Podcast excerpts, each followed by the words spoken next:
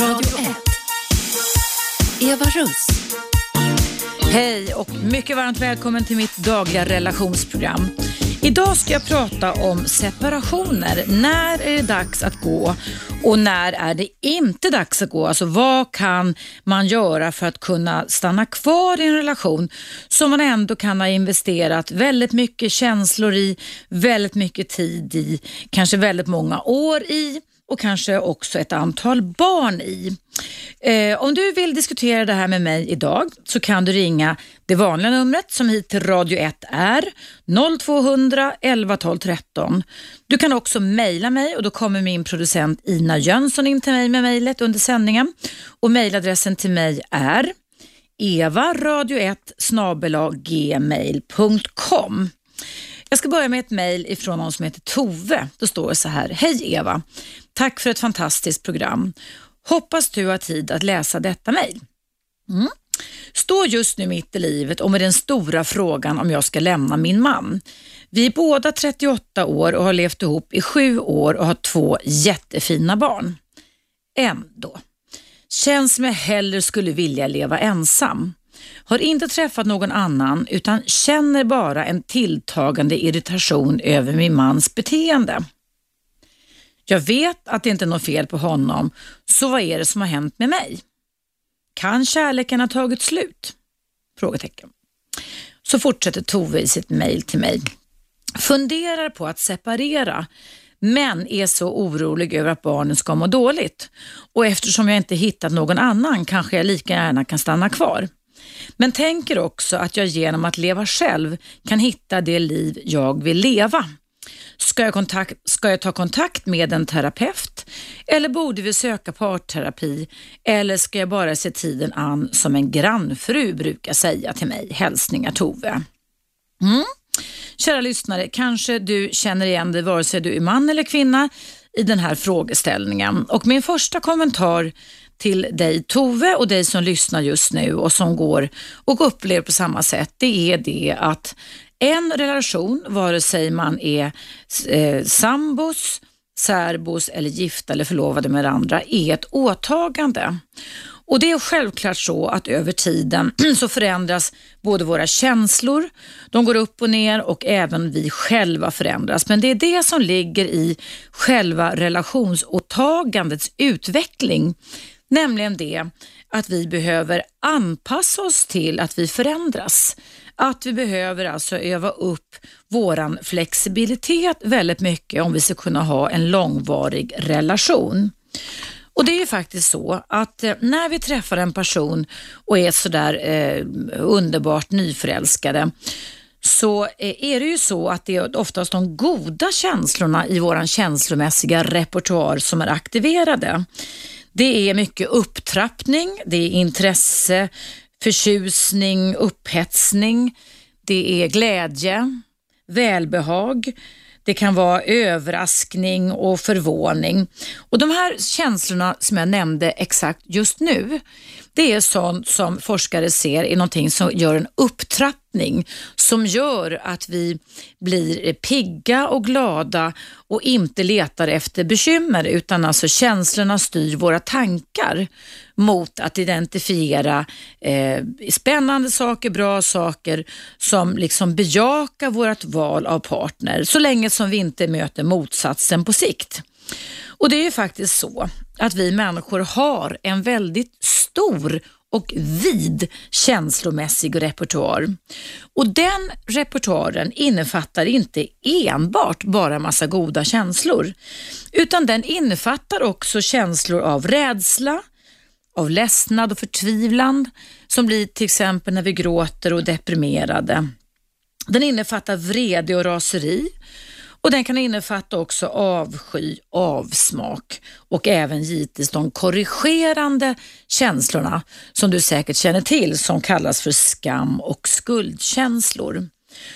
Och Det är helt klart så att sedan 1600-talet så tror man att det här med känslor i våra parrelationer, att känslans makt och känslans betydelse, framförallt de goda känslorna, har blivit förhärskande när vi pratar om att hålla ihop. Men det betyder ju inte, och då pratar vi kanske just om de här lite uppåt känslorna glädje, intresse, förvåning, som leder till en väldig massa kroppsliga symptom. Du kanske känner igen pirr i magen, att man är lätt i kroppen, man är förväntansfull, lugn, trygg, nöjd, nyfiken, intresserad, glad och lustfylld. Och alla de här känslorna är ju liksom, går in i de här gläd, grundkänslorna glädje, intresse och förvåning och så vidare. Och de leder oss framåt. De gör faktiskt att vi i hjärnan faktiskt letar efter möjligheter. Att vi ser möjligheter och får positiva förväntningar som i sin tur gör att vi identifierar positiva tankar och känslor och också får positiva beteenden utifrån det här. Men om vi i en parrelation och när vi i en parrelation, vilket är helt oundvikligt, emellanåt av olika anledningar hamnar i de negativa känslorna. Som till exempel olust, man känner sig tung och trött, jag tänker Tove beskriver i sitt mejl här att hon känner sig likgiltig, olycklig, uttråkad, avtrubbad, ensam, deppad och så vidare. Så om vi upplever detta för lång tid och inte vinnlägger oss om att försöka förändra de här känslorna, att när vi har hamnat i alldeles för mycket negativa känslor så finns det en risk för att det faktiskt blir ett hot emot just din relations överlevnad. För det är nämligen så att allting som vi känner hänger ihop med hur vi tänker. Och om vi har för ofta och för mycket och för många negativa tankar som Tove beskriver i sitt mejl till mig om vår partner, om vårt liv, om våra förväntningar till framtiden och så vidare, så kan det skapa ett negativt filter som kan komma att påverka hela relationen på ett destruktivt sätt. Och då kan också våra beteenden utformas utifrån att de här känslorna är så negativa. Det kan bli de som är stora faror för en relation, till exempel att man kritiserar varandra, att man förstärker negativa saker, man går till angrepp mot varandra. Man har försvarsinriktade beteenden och man kanske skuldbelägger den andra för att kunna gå fri själv. Och Det man har sett, alltså många relationsforskare har sett, som är de största hindren eh, mot ett, en relations överlevnad, att man ska kunna få den på rätt köl igen det är just det här att man förstärker varandra negativt, att man attackerar varandra verbalt, att man kritiserar varandra och visar förakt, att man försvarar sig själv genom att gå till anfall och inte minst att man går in i tigandets mur, att man undanhåller sig, att man inte är där överhuvudtaget, man går undan, avvisar den andras fredsträvare, smiter och håller sig borta. Om det här sker allt för ofta och allt för frekvent så finns det alltså en stor risk för att relationens överlevnad hotas. Men faktum är, eftersom vi människor har en väldig massa känslomässiga system inom oss som består av goda och glädjefulla och lustfyllda känslor, men också som består av inte så lustfyllda känslor. De här inte så lustfyllda känslorna är faktiskt till rent evolutionärt som har att göra med att de ska förbereda oss för handling. Kämpa gör vi när vi får adrenalinet att ticka. Det kan vi också göra när vi är rädda. Men kämpa eller fly eller bara överleva, alltså vegetera som Tove undrar om i mejlen, hon bara ska stå ut. Det leder inte någon vart. Det leder bara till att de här negativa känslorna permanentas och de kan också förstärkas genom att man hamnar i panik och rädslesystemet. Men man kan också hamna i det här vredesystemet där man kan bli eh, väldigt bitter och sur.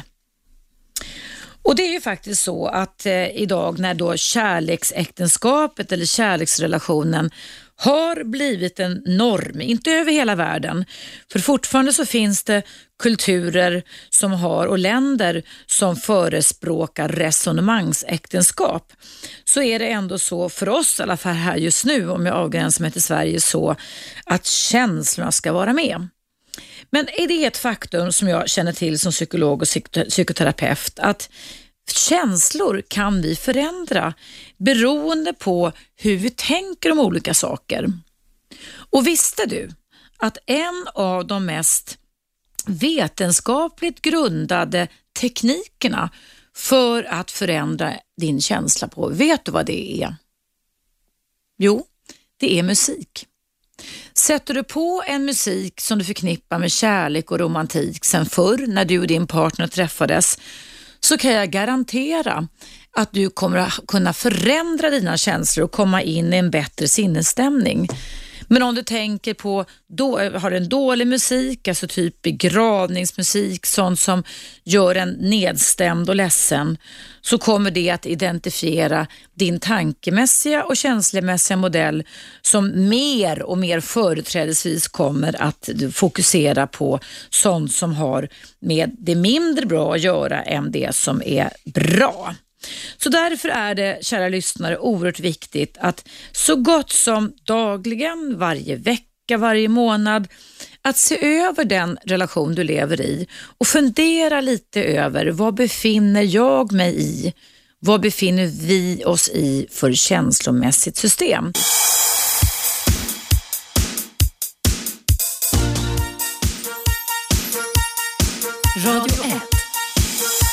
Eva Russ. Välkommen tillbaka till mitt relationsprogram. Dagens ämne handlar om när är det dags att lämna och vad ska man göra om man vill stanna kvar? Alldeles innan pausen läste jag upp ett lyssnarmail ifrån Tove som skriver att hon är 38 år gammal och har levt med sin man i sju år och tycker att hon har handlat, en, handlat, hamnat, heter det, hamnat i en återvändsgränd där hon inte riktigt vet vilken strategi, men det är jag som säger strategi, hon ska använda sig av. Ska hon bara gilla läget? Ska hon stå ut eller ska hon skilja sig?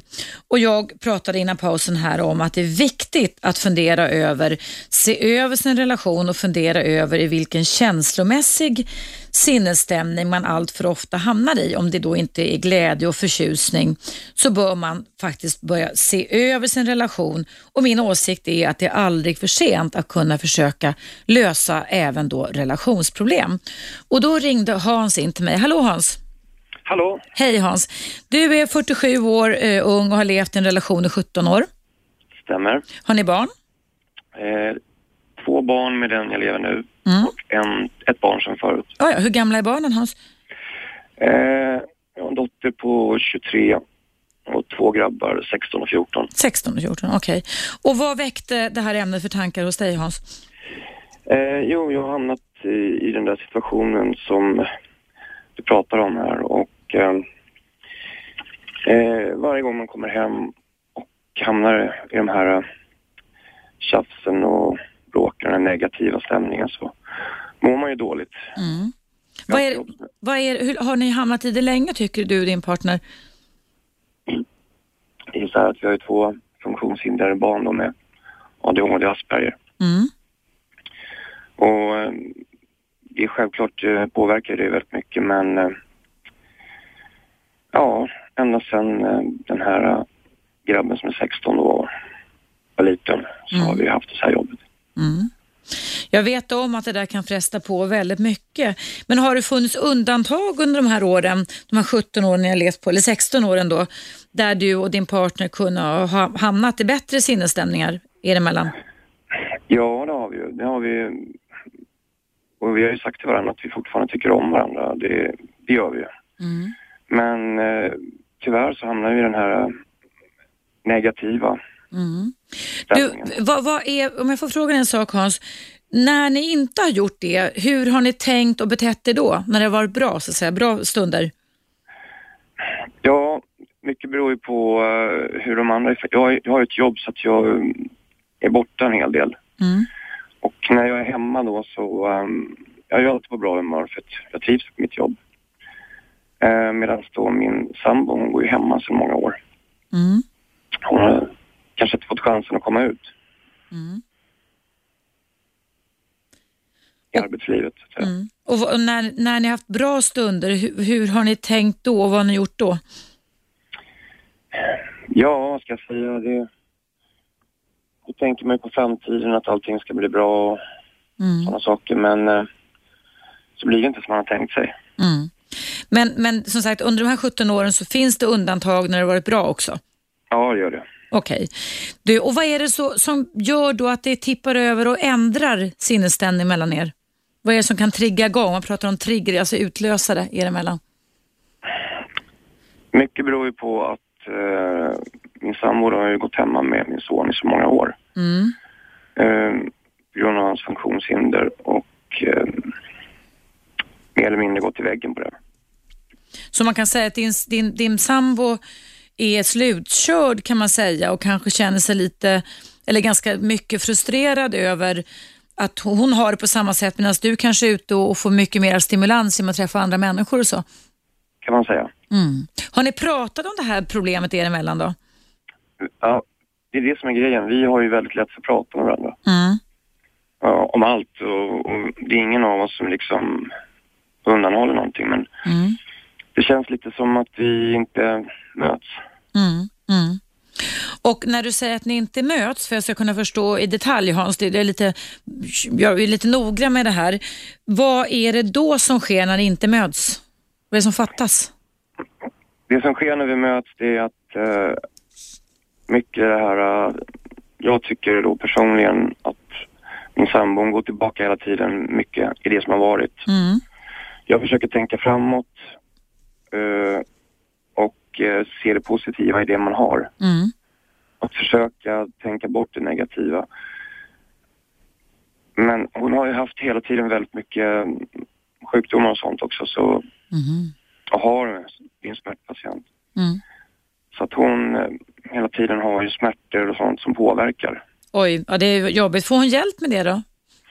Ja, hon får hjälp med det men just nu då så eh, är det väl lite som du sa förut där. Hon känner lite mer att hon har gått i väggen. Mm. Mm. Och hon tycker att jag gör allting väldigt bra och så men hon orkar inte just nu. Mm.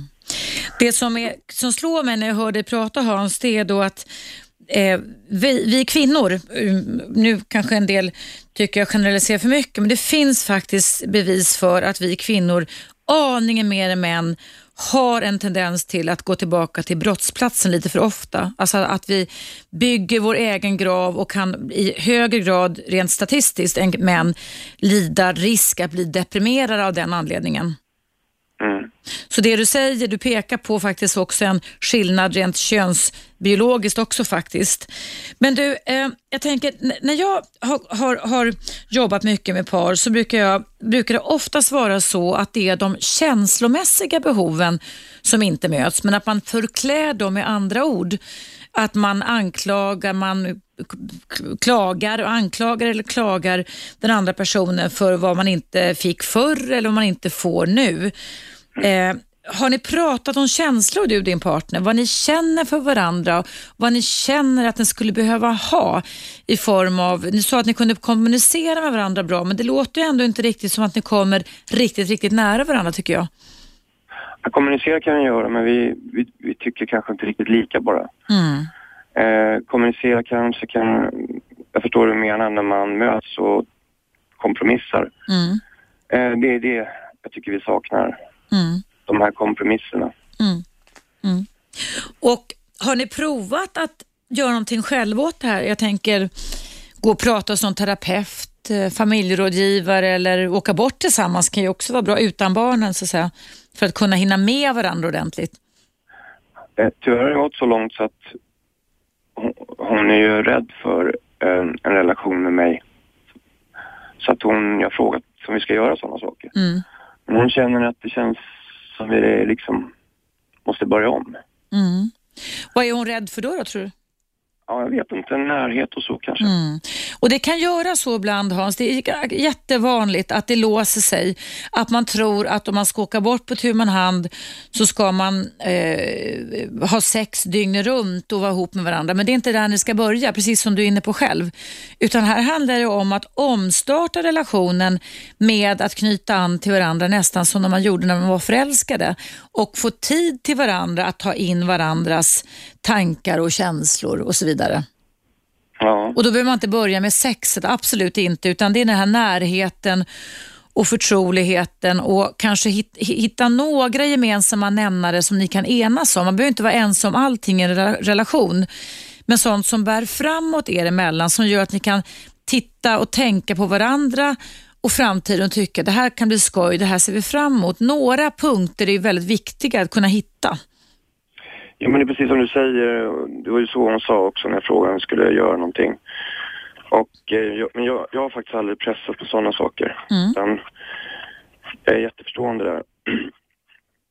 Och Jag menar inte att du pressar heller Hans, det var inte det jag sa, men jag sa att må, ibland kan det vara så hos kvinnor inte minst, men jag tror det kan gälla män också, att när man har tappat de känslomässiga banden och intimiteten och sexet så tror man att det är den ände man ska börja, att man ska, förstår du, det ska bara ha sex hela Och det är fel ände brukar jag säga, strunta i det. Förbjud sex och umgås istället, ha kul ihop, gör någonting roligt ihop så ni kan skratta och få igång en, förändra sinnesstämningen er emellan. Jo.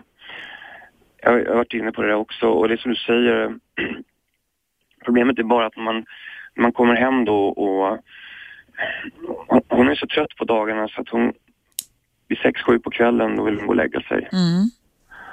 Och då är hon jätte, jätte lätt irriterad då. Mm. Mm. Så man vet det fram till fem, sex på kvällen så kan man ha en bra stämning hemma men sen är det ju mm jättejobbigt för henne. Du, jag kom på två saker om jag får ge ett råd. Är det okej? Okay? Vad ni ska kunna göra? Ja. Det ena tänker jag då, dels, jag vet inte, har din partner varit hos någon smärtmottagning och fått hjälp? Ja, ja. För jag tänker att ett sätt att eh, ta lite pauser i smärtan, jag har jobbat mycket med sådana patienter, det är ju också att jobba med olika avslappningstekniker. Så att man orkar mer till exempel på kvällen. Att jobba med eh, avslappningsträning, muskulär avslappningsträning, mental träning, självhypnos eller mindfulness som det heter. Just innan man blir sådär himla trött, alltså som du säger vid 18-19 tiden på kvällen. Okay. Det är ett sätt att alltså se till att det kan bli lite mer kvalitetstid emellan. För det har visat, mycket, mycket forskning genom åren har visat att 20 minuters djup avspänning gör att du kan få ett par timmar till piggtid om man säger så. Va? Mm. Så det skulle kunna vara ett tips om ni kan kolla upp det lite. Va?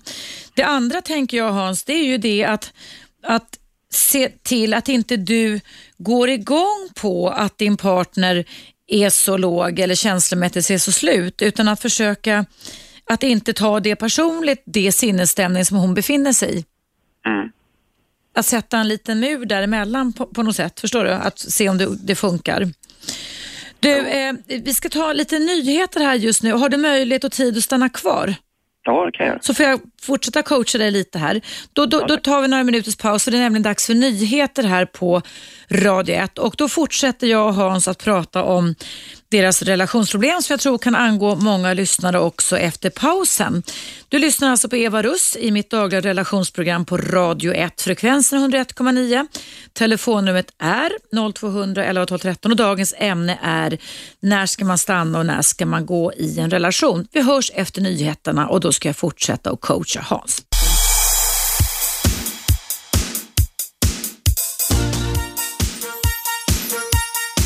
Radio 1. Eva Russ.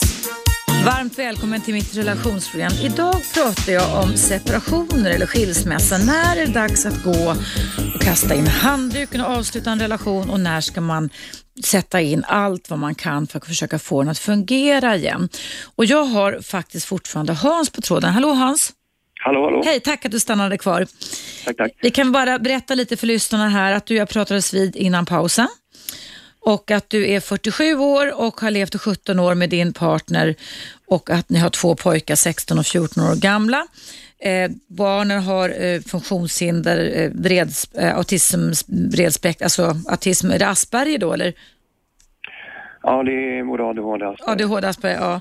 Och din partner har också olika typer av smärtpåverkan så att det ligger liksom lite extra mycket stress kan man säga över er som familj, eller hur? Ja, det känns som det är fyra som drar åt olika håll. Ja, jag förstår verkligen det. Och innan pausen här så sa jag det till dig att du, din partner kanske skulle kunna få kunna vara lite mer pigg på kvällen. För ni måste ju, i och med att du trivs med ditt jobb och jobbar ganska mycket sa du, så behöver ni ju relatera till varandra, stå förbindelse med varandra. Ja. Och då var mitt förslag det att avslappning i olika former sen eftermiddag gör att man kan hämta krafter och få lite mer bonustid på kvällen. Mm. Det andra var det att, jag tänkte på det när jag satt i pausen här Hans, att ni kommunicerar ju ändå med varandra. För när man pratar om tecken på skilsmässa, det står faktiskt i dagens Aftonblad där jag uttalat mig, så säger man ju då det att det är när man alltså inte delar saker och ting, när man inte kommunicerar, när man inte relaterar till varandra. Men det låter ju som att ni gör det ändå. Ja, det gör vi. Eller hur? Får jag fråga en sån personlig som fråga, har ni ett samliv också? Eh, min sambo har sovit i skilt sovrum i senaste tre åren. Ja, men man kan ju ha ett samliv ändå. Ja, sporadiskt har det varit. Mm. Ibland kan det faktiskt vara så att samlivet kan piffas upp lite extra av att det blir lite mer spänning, att man får söka upp varandra. Ja. Men har ni haft någon, finns det möjlighet Hans att du och din partner skulle kunna liksom ta en time-out för relationen, att åka bort, det behöver inte vara kostsamt, låta någon ta hand om barnen för de kanske inte kan vara ensamma om man är 14 i alla fall, eller? Jo, ja, det är det vi har, det jag har försökt då. Mm. Men hon har inte tyckt att det är okej. Nej, för att alltså, har ni släktingar och vänner runt omkring så skulle det är ändå tonårspojkar skulle man väl kunna ställa upp för eran skull. Ja, det skulle kunna gå. Men vad jag tänker också på Niklas, eh, Hans, förlåt, som jag sa, innan, långt innan du och jag pratas vid, det är det också att det som kan ändra känslor, det är situationer och eh, go, att man får igång känslan genom musik eller genom att man till exempel skrattar tillsammans. Har du någonting du kommer på exakt just nu som ni skulle kunna göra bara för att släppa alla bekymmer och skratta och ha kul ihop? Finns det någonting du skulle kunna komma på exakt just nu Hans? Precis det du säger, musik har jag ju försökt och de gångerna det har lyckats att få nå- någonting bra fram av det så har det varit på grund av musik som, Vad har ni gjort då? då? ja, spelat som musik som eh, båda tycker om. Ja, precis. Mm. Problemet är bara att då är den här 16-åriga sonen, det är han ju svartsjuk. Mhm. Då är ju han som en kil däremellan hela tiden. Okej, men det kan ni väl ändå, jag, jag, jag förstår problematiken med, med den här typen av diagnos, men är man 16 år får man nog låta föräldrarna få vara i fred lite också tycker jag. Mm. Jag tycker inte att det, det, han- den här 16-åriga sonen bör ta någon skada, utan här handlar det faktiskt om att se till och se över om ni kan rädda er relation. Ja, det vill vi ju. Kan ni inte prata med pojkarna om det också? De, de, ju, de förstår ju, det har ju inte med intelligens det här att göra, eller hur? Att man har en sån eh, ADHD och Asperger. Problemet är att båda pojkarna tycker att vi ska separera för att vi bråkar så mycket. Mhm. Ja, det var ju en annan aspekt av det hela. Men du sa att ni kommunicerade också. Hur, hur mycket procentsatsen då? Hur pass mycket mellan tummen och pekfingret Hans? Hur pass mycket av 100 procent är det bra tycker du? Hur pass mycket är det dåligt? Under en typ en vecka senaste tiden. 80-90 procent dåligt. Är det så pass höga siffror? Hur länge tycker du att det har varit så då? Tre år ungefär. Okej. Det är ju en väldigt hög siffra de facto, men det betyder inte, tycker jag, att man ska slänga in handduken ändå. Vad har ni förutom barnen som håller er ihop då? God kommunikation sa du, vad finns det mer? Ja, vi sitter i en ekonomisk situation också som gör att det inte är så lätt att separera också. Mm. Och vi kanske skulle behöva varsin lägenhet. Mm. Men, Men- just av ekonomiska skäl så är det inte möjligt just nu. Nej. Men vad är det som kan hålla er ihop mer? Alltså, finns, du sa ju tidigare här att det finns ändå kärlek er emellan, från din, från din sida i alla fall, mot din partner. Ja, det finns från båda sidorna. Ja.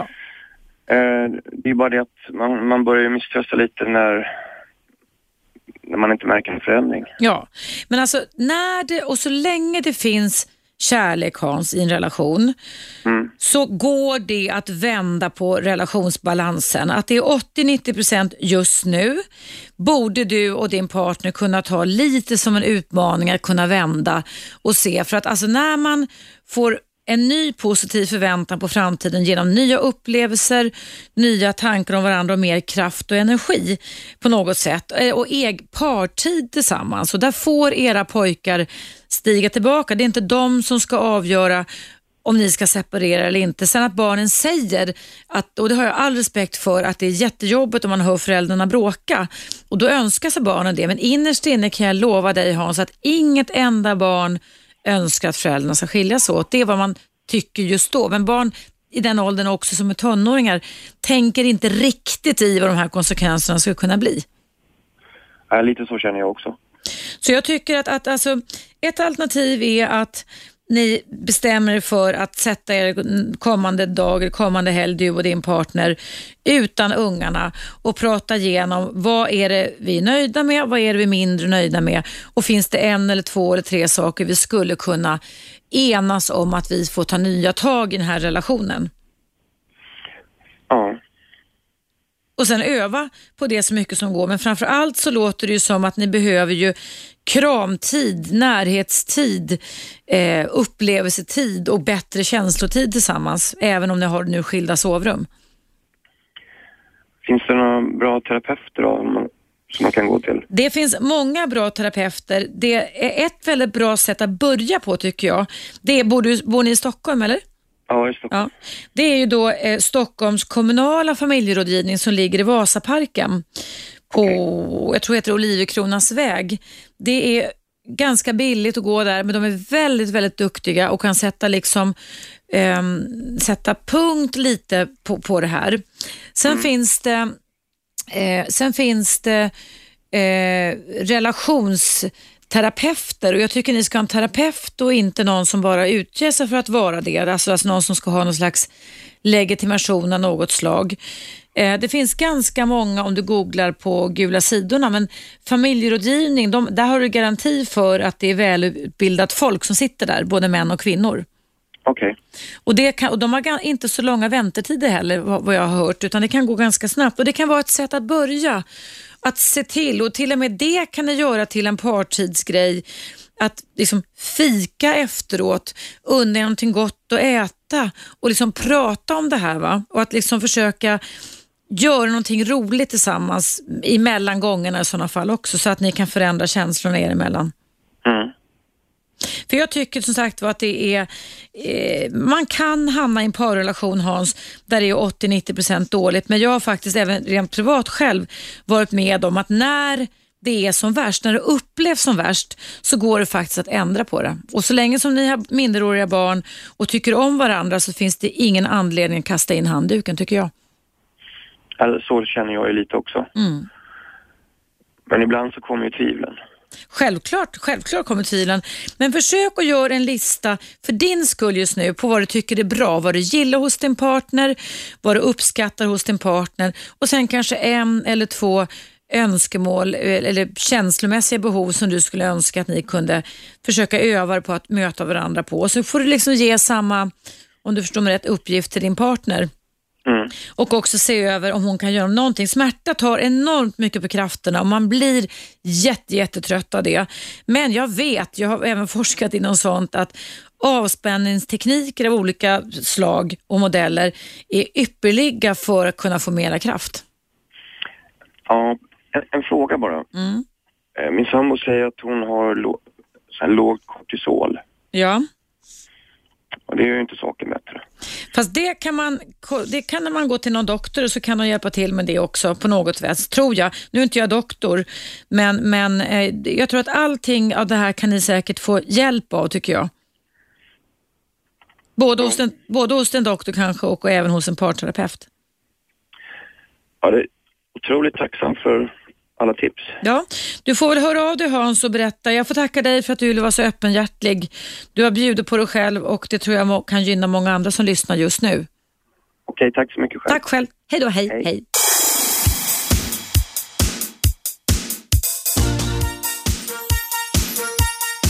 Radio 1. Eva Russ. Välkommen tillbaka. Dagens ämne i mitt relationsprogram är när är det dags att gå och vad ska man göra eller hur ska man göra för att kunna stanna kvar?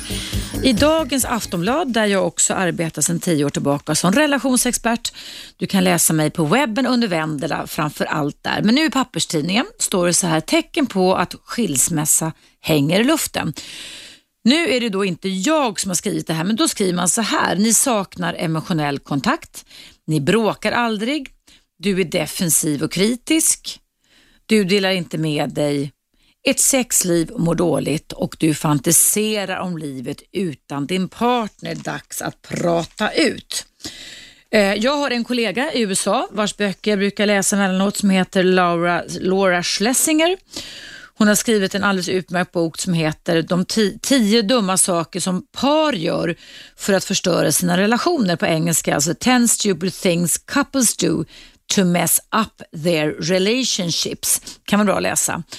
Och då berättar, skriver hon om de här tio dumma sakerna. Den ena är dumma hemligheter. Att man alltså håller tillbaka information av rädsla för att den andra ska bli förbannad. Nummer två är eh, dum egoism. Eh, att man alltså tänker mer på sig själv än altruistiskt på den andra. Eh, den tredje är på engelska stupid pettite- pettiness, alltså petitesser. Att man gör stora saker av små saker, alltså man förstorar upp saker väldigt mycket. Den fjärde fällan som hon säger, det är dum maktkontroll. Att alltid någon upplever sig att man alltid ska vara i maktkontroll.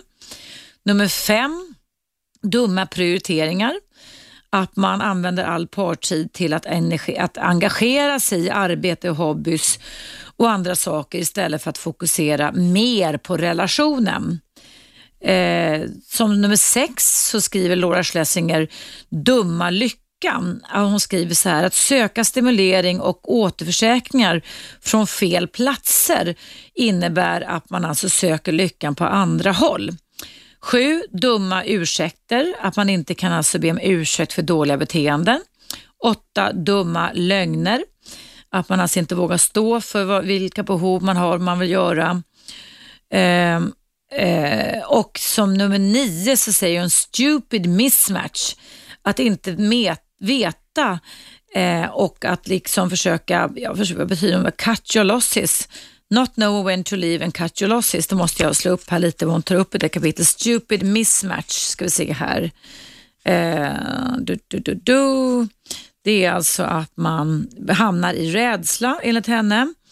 Eh, good match, att man kanske då redan från början inte har passat så bra ihop och att man är, har olika föreställningar om vad det här med intimitet är. Och, intimitet. och sen det sista då, det är stupid breaks up. Att man alltså gör slut på fel av fel anledningar. Den boken är jättebra, det kan man beställa på nätet om man vill. Jag tror inte det finns på svenska. Så det finns en väldig massa orsaker till det här varför man kan bryta upp. Och jag hävdar ju det och gör det alltid i mina relationsprogram att det här att det plötsligt, som det står i Aftonbladet idag, ska komma som en blixt från en klar himmel. Det kallas som ett begrepp i USA just nu för sudden divorce, att man blir blixtdumpad. Det tror jag faktiskt inte är egentligen så att det kommer som en blixt från en klar himmel, men vi människor har en tendens till att förtränga, alltså som som man gör på en tryffelgås när man slänger ner majs i munnen på den så stoppar vi oss fulla med saker som vi föreställer oss att vi inte har rätt eller makten att styra eller vill uttrycka. Och Då kan det i sin tur leda till att vi förnekar, eh, låtsas som, som det regnar, låtsas att allting är okej och hoppas att den strategin att den strategin ska leda till att någonting förändras. Men det gäller alltså att se över hur vi tänker, vilka känslor vi får i specifika situationer och vilka beteenden som det eh, förbereder oss för. Nu ringer det här, nu ska vi se vem som finns på telefonen. Hallå? Hallå? Välkommen till Eva Russ. Ja, Eva Russ, det är Jari. Tjenare Jari, hur är läget med dig? Ja, det är upp och ner här. Man är lite trött på många saker och samtidigt glad att man lever. Ja, men det, det är jag också varje dag. Men nu är det ju fantastiskt vårväder idag. Nu får man verkligen vara glad att man lever, eller hur? Ja, men det är lite sent med vårväder, det är redan sommar. Ja, det, det, vi hoppade över någon månad där, men du ska se att det kommer tillbaka. Det påverkar också känslorna, vare sig man är singel eller lever i en parrelation. Det gör det. Man blir lite gladare. Mm, det blir man faktiskt. Eh, Men samtidigt eh, har jag den här ärendet som jag kom på här när jag började tänka mitt liv och sådär. Mm. Det är så här att när man börjar förstå på tjejerna och hur de utnyttjar män så har man, är man för gammal för att ha nytta av det. Mm. Så har jag skrivit här på min, Mm. som handlar om relationer. Men nu pratar vi inte om att utnyttja varandra i en parrelation. Nu pratar vi om när det är tecken för att man ska bryta upp eller när man ska försöka göra allt man kan för att stanna kvar. Ja, men det är samma sak när man förstår sådana saker, då ska man byta upp. Man ska helst äh, leva ensam eh, och prova lite på andra saker än bara på en ny tjej eller en ny kille. Om det inte råkar gå, så är det bättre att kanske tänka så här att jag kanske hittar en ny kille äh, någon dag men inte just nu eller en ny, ny tjej. Hur har du gjort? Du verkar ju ha haft många relationer. Att inte hasta sig som jag har gjort i mitt liv och nu ska jag hitta en ny tjej snabbt för som satan. Du har haft bråttom.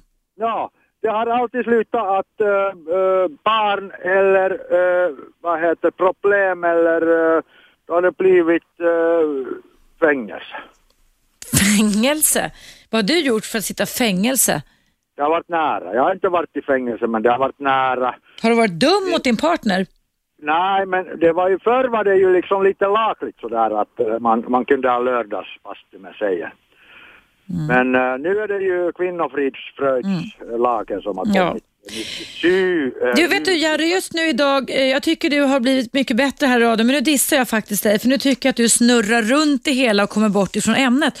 Så du är hjärtligt välkommen att ringa tillbaka om du håller dig till ämnet. För ämnet idag, kära lyssnare, det handlar alltså om när är det dags att gå och vad, när är det dags att kämpa för relationen.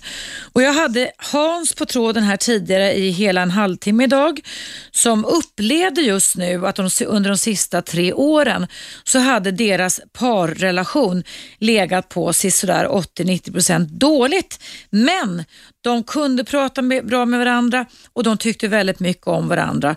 Och Då var mitt budskap till honom och till dig som kanske känner igen dig i det här. Det är aldrig för sent att lösa ett parproblem även om oddsen är dåliga. Det går att komma tillbaka även om det är höga siffror. Då får ni lov att sätta er ner och gärna ta det lugnt, varva ner och kanske till och med, även fast det kanske verkar konstigt som råd, ta fram papper och penna och eh, göra någon lista på allting som ni tycker fungerar.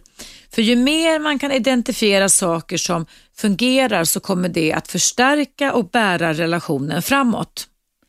Sen gäller det att kunna också göra en lista på sånt som inte fungerar och börja fundera lite över om det är möjligt varför. Men oftast så kan för mycket varför-snack leda till att man hamnar i en konflikt. För oftast har man väldigt och vitt skilda uppfattningar om därför-svaret. Och av den anledningen så kan det vara bättre att fundera över hur man skulle önska ha det. Att, man, att, man, att du beskriver i konkreta termer vad du, hur du skulle vilja se hur en förändring till det bättre skulle kunna eh, gå till. Och givetvis även är beredd för att evaluera, alltså utvärdera dig själv och fundera över ditt eget bidrag till de svårigheter som är just nu. Men se upp där. För om det är så att ni hamnar i alldeles för mycket negativa tankespiraler så hamnar ni just i det som är dålig sinnesstämning, starka negativa känslor som i sin tur kan trigga igång väldigt många andra panik, rädsla och vredesystem. Och då kan man koka över av ilska eller dra iväg i panik därför att man blir fartblind och spänningen blir för hög i kroppen och då har man ingen möjlighet att kunna fatta rationella och lugna beslut. Jag brukar säga till många av mina klienter som kommer till mig och kommer till mig genom åren att många gånger är det faktiskt så att du inte alltid ska lita på dina känslor, i alla fall, alla fall, alla fall inte när de är negativa. Ibland kan det faktiskt vara så att känslor kan ljuga. Ibland kan det vara så att de känslor du just i olika specifika situationer känner inte alltid ska tas på allvar, att de inte alltid är så rimliga och sanna. Och ju mer vi kan öva oss på att lugna ner oss så kan vi få mer kraft och energi och då kan vi också se skogen för alla träden. Men annars kan vi inte göra det därför att våran varseblivning förändras direkt när vi går upp i varv och det är då vi också kan fatta fel beslut eller kan hamna i att vi bara identifierar det som har med känslorna att göra och fatta beslut som är eh, fattade på fel känslomässig repertoar.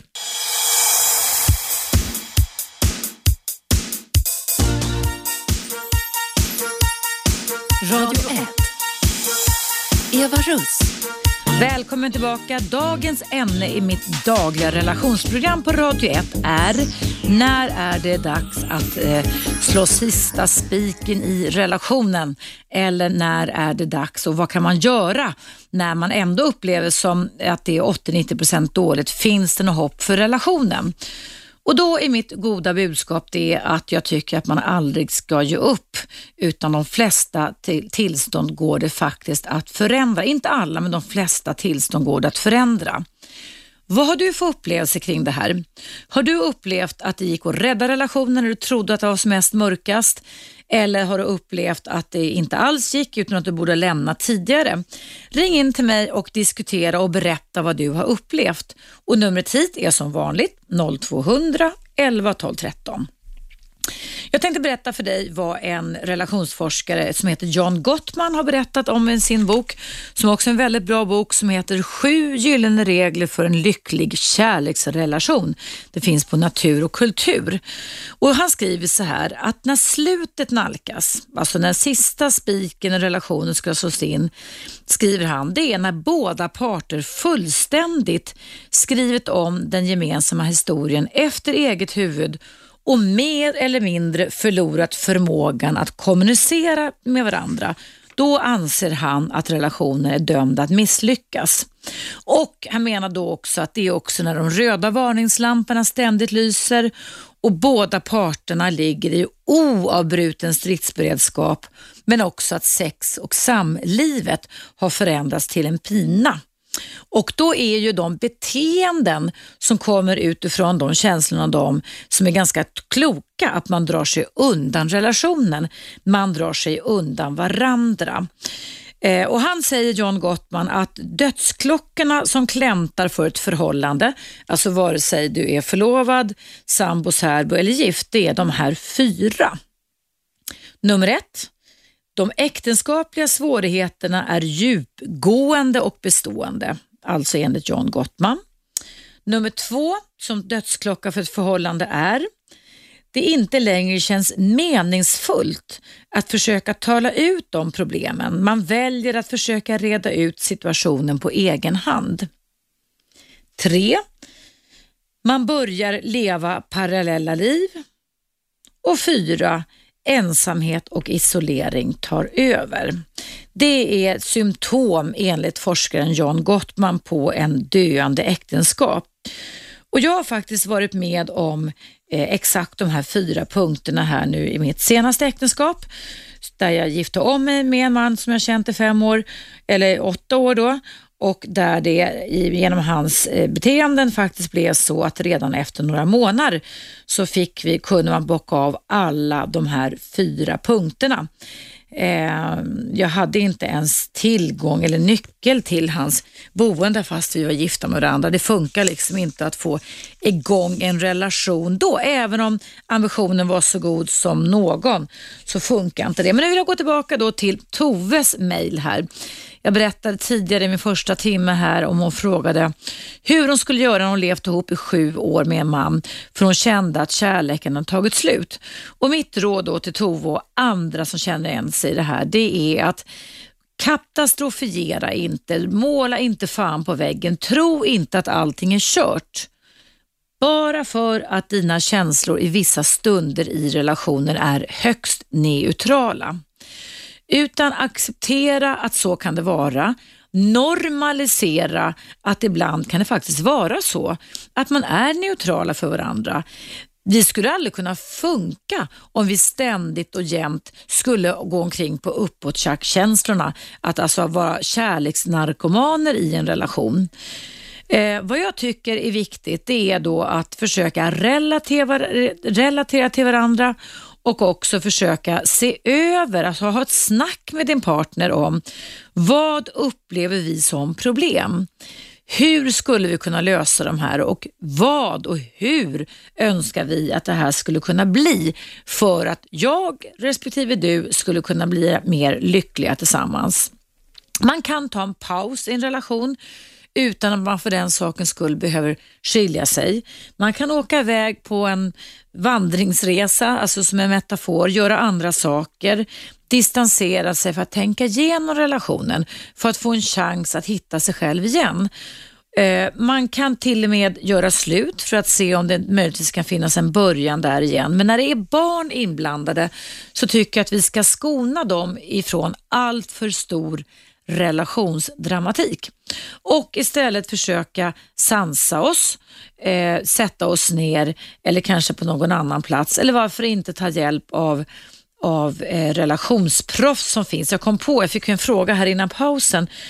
Parrådgivarna finns det eh, flera, eh, några stycken som heter. Det finns också en terapiform som heter imagoterapi som jag själv tycker verkar väldigt, väldigt vettig. Det är inte kognitiv beteendeterapi som också kan hjälpa, men det är en väldigt bra sätt att kunna lära sig att ta in motpartens känslor eftersom väldigt mycket forskning inom parrelationen visar att det är oftast de känslomässiga behoven som leder till att man blir frustrerad och irriterad och hamnar alltså i de negativa känslorna alldeles för ofta.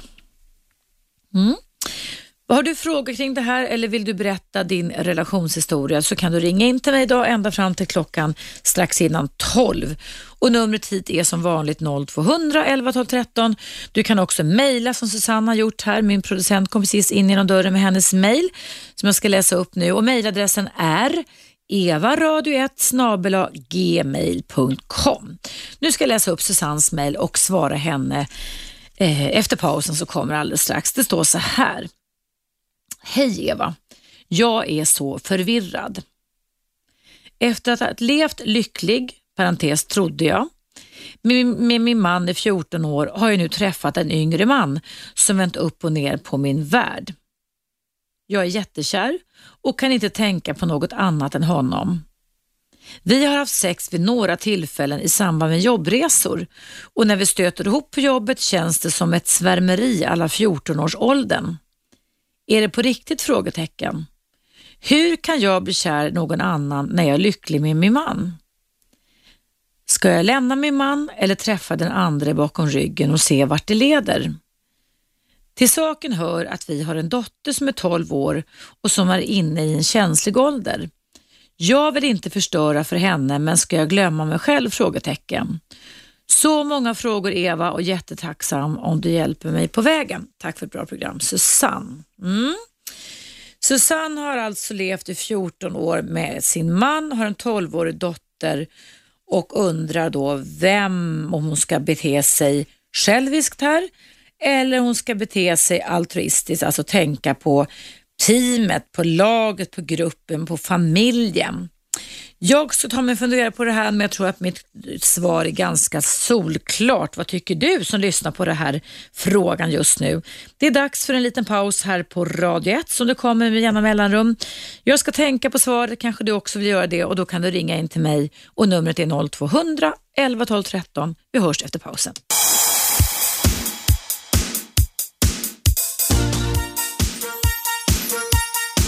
Radio 1. Eva Russ. Välkommen tillbaka. Dagens ämne handlar alltså om separationen. När ska man lämna relationen och när är det värt att kämpa för den?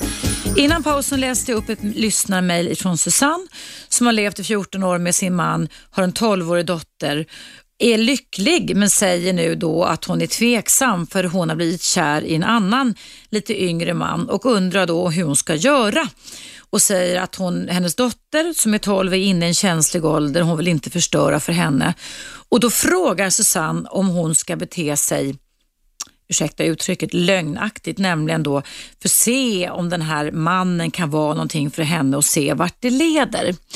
Eh, och då är mitt råd till Susanne, jag tycker, och det har ni hört mig på alla jinglarna som går här på Radio 1, jag tycker att om man har Eh, barn tillsammans och om man har valt att leva tillsammans och att dessutom barnen är i en känslig ålder. Barn är alltid i känsliga åldrar men de är extra känsliga i alla fall upp till 18 års ålder. Men jag är övertygad om att de allra flesta barn vill inte att föräldrarna ska skiljas för man är präglade på mamma och pappa och man vill gärna att de ska hålla ihop. I Susannes fall så tycker jag att det är fegt och falskt att gå bakom ryggen på din man och se och undersöka och se om den här yngre mannen som du haft sex med eh, kan leda någon annan vart. Jag vet att det är så som många nya relationer kommer till. Att man alltså inleder, man hamnar i famnen på någon person när man minst anar det och sen så utforskar man den här personen för att kunna ta kraft och fart och avstamp i att kunna göra slut. Um, men när nu är så här att du Susanne har levt lyckligt så kanske du kan se den här relationen som en tillfällig förälskelse. Man kan faktiskt bli förälskad i en annan person när man är tillsammans med en annan person. Kanske beroende på att relationerna då har svalnat lite. Och Det där är väldigt individuellt om jag går till mig själv så har jag alltid varit väldigt kär i de män jag levt med. Så för min del så har det alltid aldrig varit tänkbart att jag skulle kunna bli förälskad i en annan person. Det är någonting som jag har valt bort. Och det är faktiskt så Susanne och du som känner igen dig i hennes lyssnarmail att vi människor kan dirigera om våra känslor beroende på vad vi lägger tankarna på. Eftersom tankar och känslor tillsammans utgör ett väldigt bra team som i sin tur skapar vilka förväntningar och vilka föreställningar vi får om oss själva och framtiden. Så allting handlar egentligen om, om hur vi tänker. Om det är så Susanne att du tänker att den här yngre killen som du har träffat bakom ryggen på din man eh, är värd att utforska så finns det samtidigt då ett annat manuskript som du borde utforska, nämligen då hur tänker du kring din man? Och du tänker också, tycker jag, framförallt väldigt själviskt. Det kan hända andra människor att man kan i olika perioder i livet bli förälskad i en annan person. Det kan hända andra människor att man kan vara otrogen och det kan också hända att man är det en eller två gånger och sen väljer att aldrig mer vara det. Man alltså får testa på och se om gräset var grönare på andra sidan staketet. Och Många människor berättar, väljer att berätta det, en del väljer att inte berätta det. Men det kan också leda till att relationen kanske för vissa personer kan få en nytändning och man kan fortsätta att leva tillsammans. Men jag tycker inte att man ska under tiden man lever i en befintlig relation ska lägga ner tid på att vara kalkylerat otrogen. Så därför så säger jag nej Susanne, jag tycker att du i sådana fall får nöja dig med den här flingen du har haft där du har känt dig som en 14-åring och eh, faktiskt sätta dig ner och snacka dig själv lite till rätta och fundera över, gör en lista, mm, fördelar, nackdelar, på den mannen du lever med nu och där du har en dotter ihop med.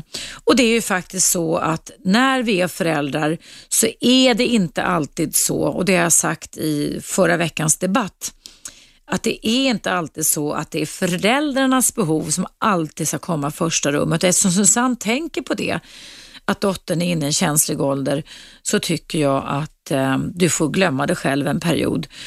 Gör en lista på vad, det, vad som är bra. Sätt dig ner och fundera. Använd dina tankar. Ta tid på dig och fatta inga beslut i ren desperation. Eller i alla fall inte fatta inga beslut när du är sådär eh, känslomässigt eh, euforiskt uppåttjackad som man kan bli när man är tänd och kåt och väldigt, väldigt ja, euforisk, känner sig jätte, jättebekräftad. Utan sätt dig ner och coola ner dig och fundera lite över vad, vad har du för fördelar? Vad tycker du om hos din man? För det går alltså, Susanne, att dirigera om tankarna. Det går att dirigera om tankarna. Mm. Hoppas att det här rådet räcker för dig Susanne och alla andra som kan känna igen sig i det där dilemmat. Men självklart så har man rätt att skilja sig, självklart har man rätt att separera. Men, men jag tycker att vi ska värna om barnen i första hand och jag tycker att vi ska värna om det här åtagandet som en relation ändå innebär. Men självklart är det så att om relationen inte funkar, om det finns en massa eh, saker i relationen som ständigt upprepar sig, som ständigt gör att den inte fungerar och man har gjort allt vad man kan för att försöka åtgärda det i parrelationen, då måste man givetvis komma till ett läge i livet och i relationen där man inser att nu går det inte längre. Och då kan det faktiskt vara så att det kan bli en bättre lösning om man separerar.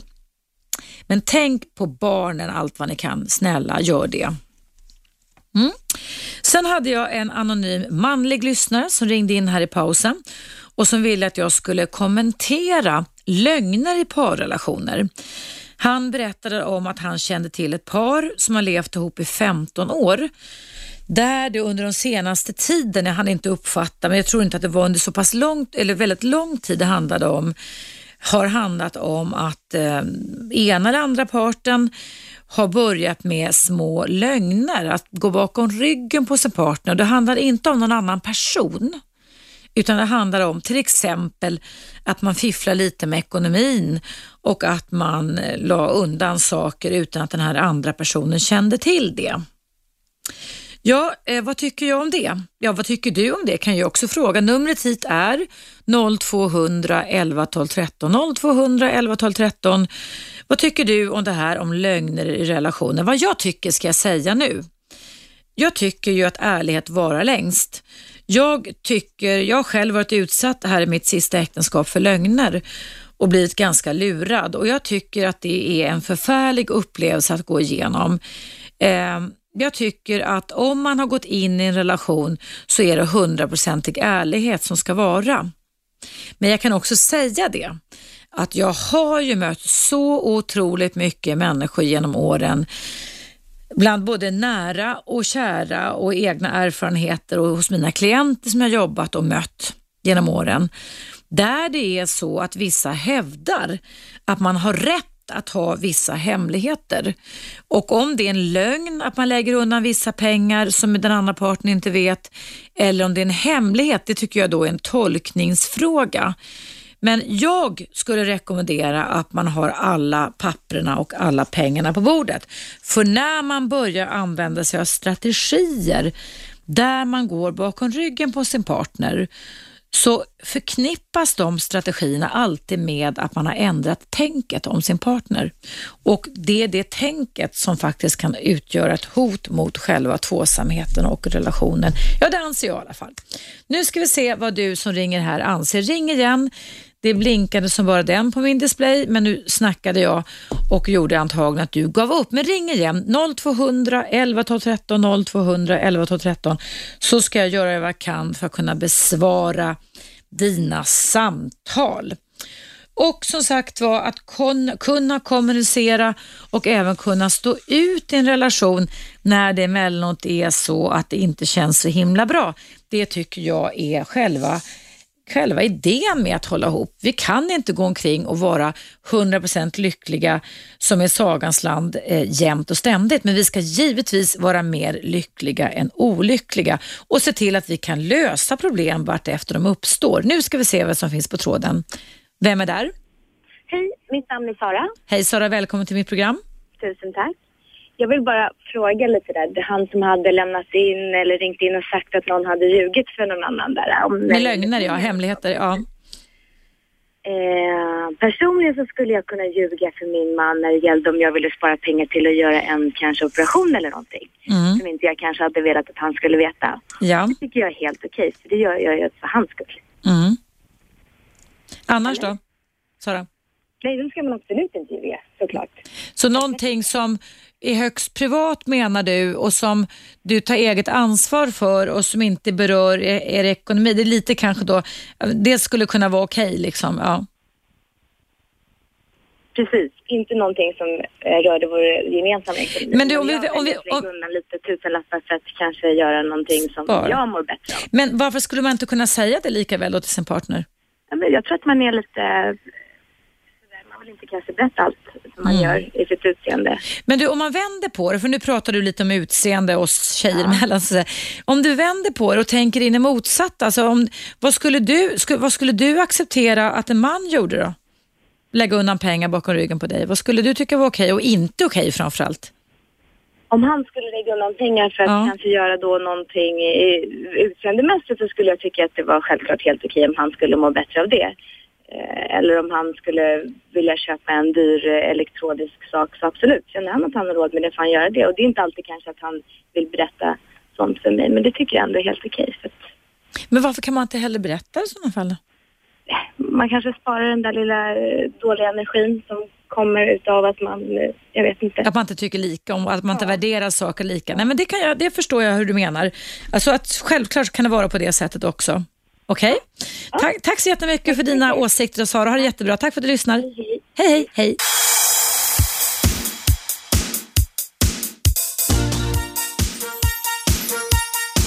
Radio 1. Eva Russ.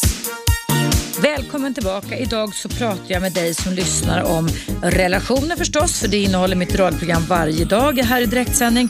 Men idag talar jag specifikt om det här, när är det dags att lämna och när, hur ska man göra för att kunna stanna kvar? Och då halkade vi in på, med en lyssnare här om, på ett ämne kring hemligheter i relationer. Och då vill Nasser, hallå Nasser? Ja, tjena. Tjena! Berätta vad det här väckte för tankar. För jag pratade med en tjej som heter Sara innan förra pausen som tyckte att det var okej att man la undan lite pengar, till exempel typ till en skönhetsoperation då och att mannen kunde ha rätt att göra det också om det till exempel gällde en dator och någonting sånt där. Vad tycker du? Ja, alltså du, jag pratade lite under eh, pausen här om att eh, jag hade en liten, eh, ja, en liten syn på, på det hela om att eh, det här med att dela allting och du pratade, hon, den tjejen som ringde innan då, eh, sa att det var väl okej att lägga undan en tusenlapp för att kanske ha det någonting privat eller, eller det var okej för hennes kille om han skulle lägga undan lite pengar för att köpa något elektroniskt om jag nu minns rätt, eh, ifall det var det hon sa. Eh, och då var jag inne på det här med att eh, du frågade ju henne varför kunde man inte lika gärna berätta? Mm. Eh, och då var min, alltså på det hela att Alltså, eh, vad händer med individen i förhållandet? Alltså, vi är först och främst individer. Och som vi vet, alltså, de flesta vet att förhållanden kommer och går. Det är bara så. De flesta förhållanden tar slut statistiskt. Så är det. Och har man levt, tycker jag, i alla fall ett förhållande där det, det fanns bara vi och till slut så kanske jag förlorar jag. Eh, när relationen tar slut, då kanske inte jag, jag finns längre utan det finns ett vi, men det finns inte det heller längre. Utan Du- då kanske man måste starta, kanske börja bygga på nytt. Och, och Ja, du pratar om rädslan att förlora sig själv, att man går upp för mycket samhörighet så att man inte har någon eget självförverkligande. Ja men precis, alltså, det är väldigt vanligt att man, när man, det här är bland det vanligaste, jag tror att de flesta känner igen sig att när man har kanske en vän eller något sånt och, och de alltså, startar en relation, att många försvinner. Mm. Man tappar kontakten med sina vänner och man, man eh, ändrar livsstil och man eh, ändrar vanor och rutiner och allt möjligt till det som passar då för, för situationen och det är väl förståeligt. Det kanske, jag vet inte om det är mänskligt eller vad man ska kalla det. Men så blir det, men efter ett tag, man märker liksom kanske det har gått ett antal år eller en viss period och så försvinner den relationen. Ja, då, då, då, är man, då har man förlorat kanske de vännerna, eller man kanske inte förlorat dem, men i alla fall så har det tagit sig, alltså saker och ting har förändrats. Mm. Men ändå tänker jag Nasser, det här att, att då som Sara sa, som, att, att det här att man har hemligheter och som en anonym man ringde in om och sa lögner i relationer. Betyder det att man måste ha lögner? Kan man inte bara sätta tydliga gränser och säga att det här, ja, det är vissa områden där jag vill känna personlig frihet, där jag inte vill att du ska lägga dig i, där jag gör precis vad jag vill om jag tjänar extra pengar eller, och, och du ska inte lägga ett dugg i vad jag vill använda dem till. Alltså absolut, om man kan komma överens om en sån sak. Eh, det, det skulle väl funka bra, men som du sa också, det är väl en definitionsfråga vad en lögn, eller en hemlighet eller något annat. Det är väl en väldigt stor, alltså det är kanske en definitionsfråga också. Mm. Det, som kanske du definierar som att nej men det där var ju, det där var ingen fara, det där var, det var bara en liten hemlighet att du sparar 500 spänn extra i månaden. Men det som någon annan tar åt sig jättehårt och tycker det, det var en jättestort svek. Hur kunde du göra så här mot oss? Mm, mm. Ja, allting är ju väldigt individuellt och också beroende på vilket sätt man har, alltså ingångsvärdena i relationen har varit och hur man liksom har, vilka värdegrunder, man, när man har snackat klart, hur ska vi organisera vårt, relationsliv ihop, Det är en ganska viktig fråga.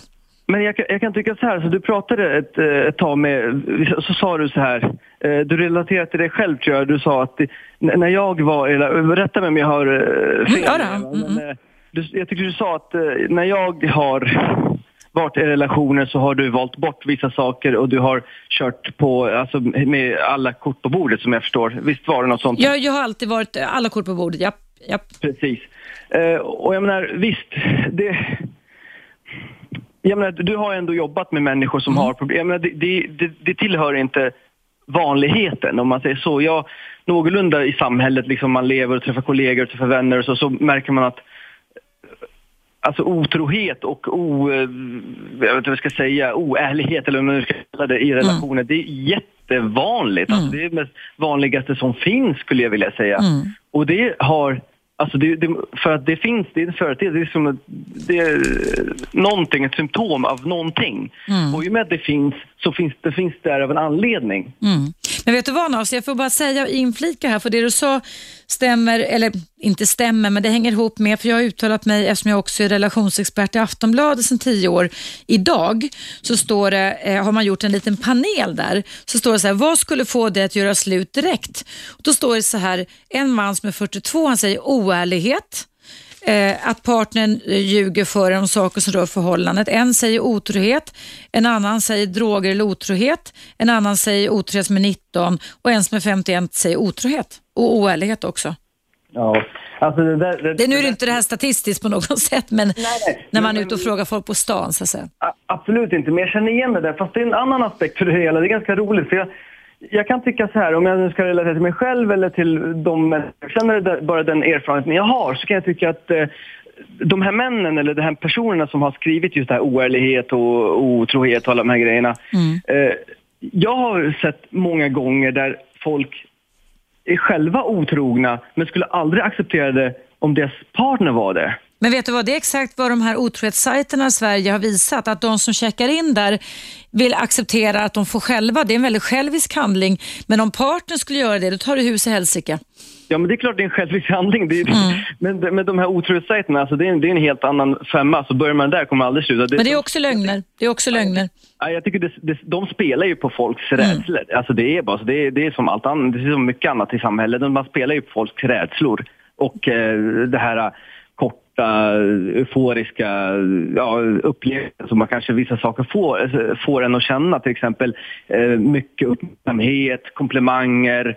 Alltså, men sånt där är ju bara för en kort stund. Mm. Uh, och det är de här sajterna, de spelar väl väldigt mycket på det. Men det är just det här med just otrohet och oärlighet liksom i, i, i ett förhållande nu så, som vi pratar om. Mm. Och det, det, jag tycker det är väldigt så här, just individen i förhållandet, tycker mm. jag. Alltså det, mm. det, är min åsikt. Å andra sidan, jag vet inte, jag kanske ska jag har inte jätte, jättebra eller lång eh, erfarenhet av, av, av eh, relationer på det sättet. Jag har alltid haft lite problem med det. Men, men just att jag kan tycka att den individen, jag kan tycka att många som går in i ett förhållande går in eh, och ger upp sig själva för mycket, menar du? Precis, och så Mm. tappar man den man var innan förhållandet. Mm, Alltså sina mm. intressen, sina, eh, sina vänner, sina saker som... Alltså vissa saker som kanske det bara du, alltså typ Eva-moment eller vad man ska kalla Ja, det. jag Det förstår, jag förstår. Det här är någonting du gjorde innan du träffade din partner och det var Mm. bara för dig liksom. Bara, kanske Men- någon jävla svampställe ute i Jag skogen fattar precis. eller- Men där kan man ju också faktiskt, och det har jag sett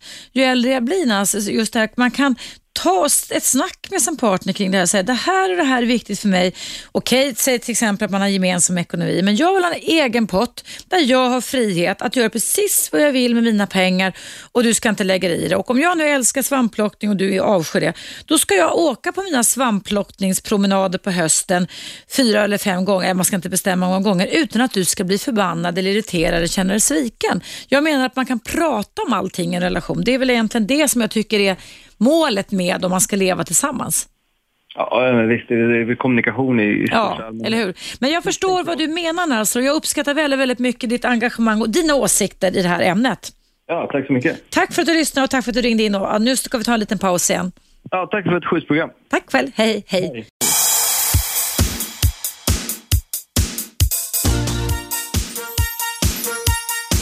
Radio 1. Eva Russ. Hej och välkommen tillbaka. Idag har jag pratat med dig som lyssnar och du som mejlar in till mig och antagligen också lyssnat om relationers fortsatta liv eller inte. Och jag upprepar vad jag har sagt och säger väldigt ofta här att när man har åtagit sig att gå in i en relation, när man har sett den andra partnern i ögonen, vare sig man gör det genom ett giftermål där man tittar varandra i ögonen och säger att man ska leva med varandra och stötta varandra i nöd och lust eller via ett icke registrerat äktenskap men ett avtal två personer emellan så tycker jag att det är självklart att man vårdar detta åtagande så mycket som möjligt. Och en lång parrelation kan inte alltid vara superlycklig. Men det betyder inte att den ska vara motsatsen, att den ska vara superolycklig. Utan själva utmaningen att leva tillsammans det är ju att försöka vara flexibla. Att försöka kalibrera in och kolla upp i vilken sinnesstämning vi befinner oss i. Och är det så att vi hamnar i alldeles för ofta och för mycket negativa känslor som påverkar sinnesstämningen så kan det leda till att förbereda oss för en väldig massa trista strategier, angrepp och beteenden kan till och med funka som ett negativt filter som kommer att påverka hur du ser på din partner och oftast då på ett mer destruktivt sätt eller kanske svartvitt sätt också. Och Jag har genom åren eh, mött personer som har trott att det var slut i relationen men som faktiskt genom att man har börjat tänka lite annorlunda under, under, om varandra har kunnat komma in och hämta hem relationen in i en mer positiv tanke och därmed också känslomässig spiral. Det finns ett uttryck inom min värld som säger att du dras emot det som du förväntar dig. Du dras emot det som du förväntar dig. Och tankar och känslor är oftast siamestvillingar som i sin tur skapar inre bilder inom oss. Det är så vårt hjärn, hjärn, nervsystem i hjärnan fungerar. Och tankar plus känslor plus inre bilder, det blir våra förväntningar. Och våra förväntningar, det är det som alltså kommer att predicera, som kommer att skapa vilka tankemässiga modeller vi kommer att ha. Också påverka vår varseblivning, vad vi ser utifrån vår tanke och känslomässiga repertoar. Och Det är ju därför när vi går in i en relation och tycker vi har träffat den ideala partnern som vi bara ser de ideala bitarna. Vi bortser fullständigt ifrån att det till och med i värsta fall skulle kunna vara en missmatch eftersom vi är så aktiverade inombords och aktiveringen som innebär att vi söker god kunskap, alltså goda tankar, tankar som sen blir då goda känslor leder till att vi får ett hormonellt uppåttjack inom oss och då vinner de goda känslorna över de dåliga.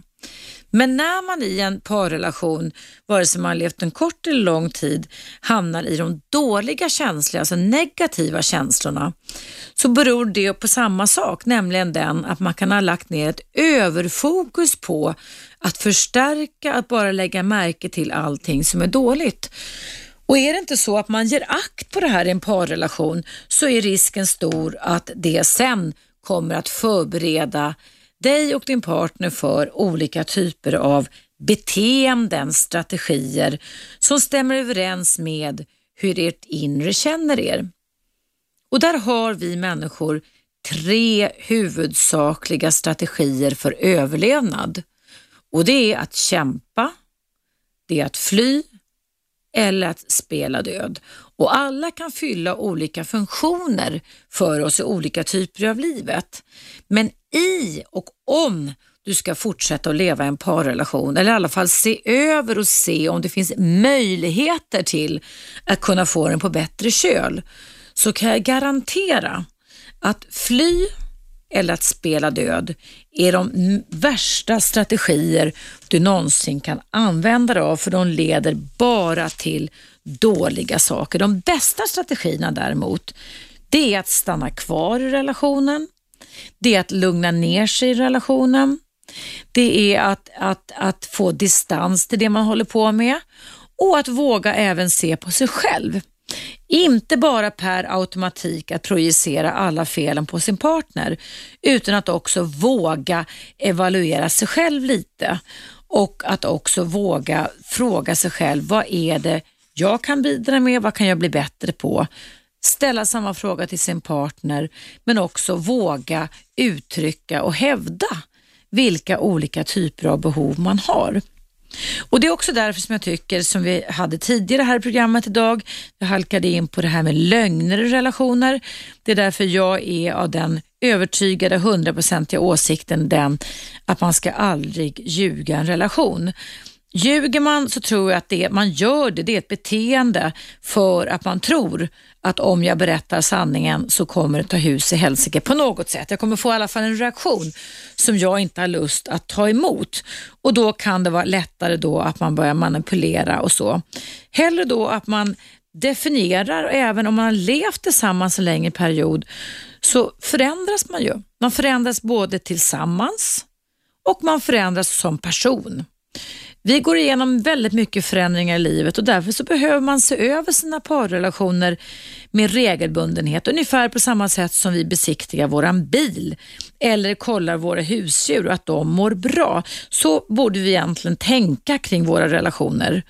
Och bara för att jag för ett två, fem, tio år sedan hade olika typer av intressen eller behov så betyder ju inte det att det alltid ska vara på det sättet. Men om jag inte kan förmedla det, kommunicera det till min partner, hur ska min partner då kunna förstå vad det är som sker inom mig? Och Det kan ju faktiskt vara så att man vill ändra på de ekonomiska betingelserna. Det kan faktiskt vara så att man vill bejaka olika typer av förträngda eller nyvunna intressen.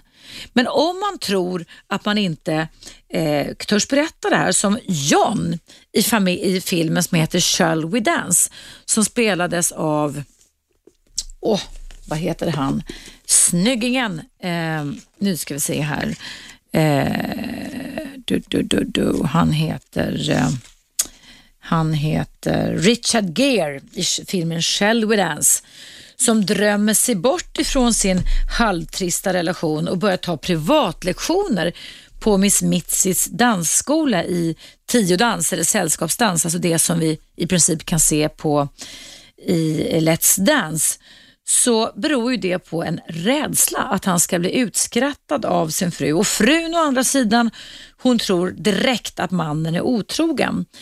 Det hela, och det är en fantastisk film som jag kan rekommendera dig, Shall We Dance, där det visar då en rädsla för att inte våga säga som det är eller våga bejaka vad man behöver. Ehm, men som sagt var, jag har väl själv i de relationer jag levt någon gång kanske köpt ett klädesplagg där jag inte riktigt har berättat vad det egentligen kostade av hänsyn till att den partner jag levde med då skulle tycka att det var alldeles för dyrt eller att det drabbade vår ekonomi för mycket och så vidare. Det är ju också givetvis en lögn, kommer jag på här nu, som inte givetvis är bra. Idag lever jag själv och eh, har hand om min egen ekonomi så jag behöver inte ägna mig åt några lögner på något sätt. Men jag tror i alla fall att vi tjänar bäst på att vara ärliga mot varandra. Ärlighet vara längst. Men kom som sagt ihåg det att det finns alla, finns en massa olika sätt att kunna få en relation att fungera igen, även fast det känslomässigt just nu känns som om alla eh, vägar är, eller förändringsvägar är uttömda, så går det faktiskt att gjuta nytt blod och nya goda känslor i en parrelation. Panika inte, dra inte iväg på grund av rädsla, försök att lugna ner och ta gärna kontakt med någon parrådgivare som jag sa till en av lyssnarna här, Hans, att det finns bra eh, familjerådgivning i den kommunala regin. Det finns också privata familjeterapeuter som kan vara väldigt, väldigt, väldigt bra. Eh, jag ska ta med mig en lista på sådana jag känner vid ett annat tillfälle som kan ge dig råd om var du kan gå någonstans. Sen kan man ju givetvis läsa olika typer av böcker också och det är aldrig fel att skaffa sig lite mer kunskap om vad man kan behöva tänka på i en parrelation. Därmed sätter jag punkt för mitt dagliga relationsprogram och som sagt du kan alltid lyssna på mig på webben. Du kan ladda ner en gratis app och det finns också radio1.play.se eller någonting sånt där. Jag kommer inte riktigt ihåg vad adressen heter och du kan också se vilken tid som mitt program går i repris samma dag som jag haft det och jag tror att det är klockan 21 men det har förut varit klockan 22. Men eftersom jag låter lite förvirrad här så lovar jag att till imorgon så ska jag ta reda på den exakta tiden. Tack för att du lyssnade, tack för att du engagerade dig. Vi hörs imorgon igen, hoppas jag. Ha en bra dag. 101,9 Radio 1 Sveriges nya pratradio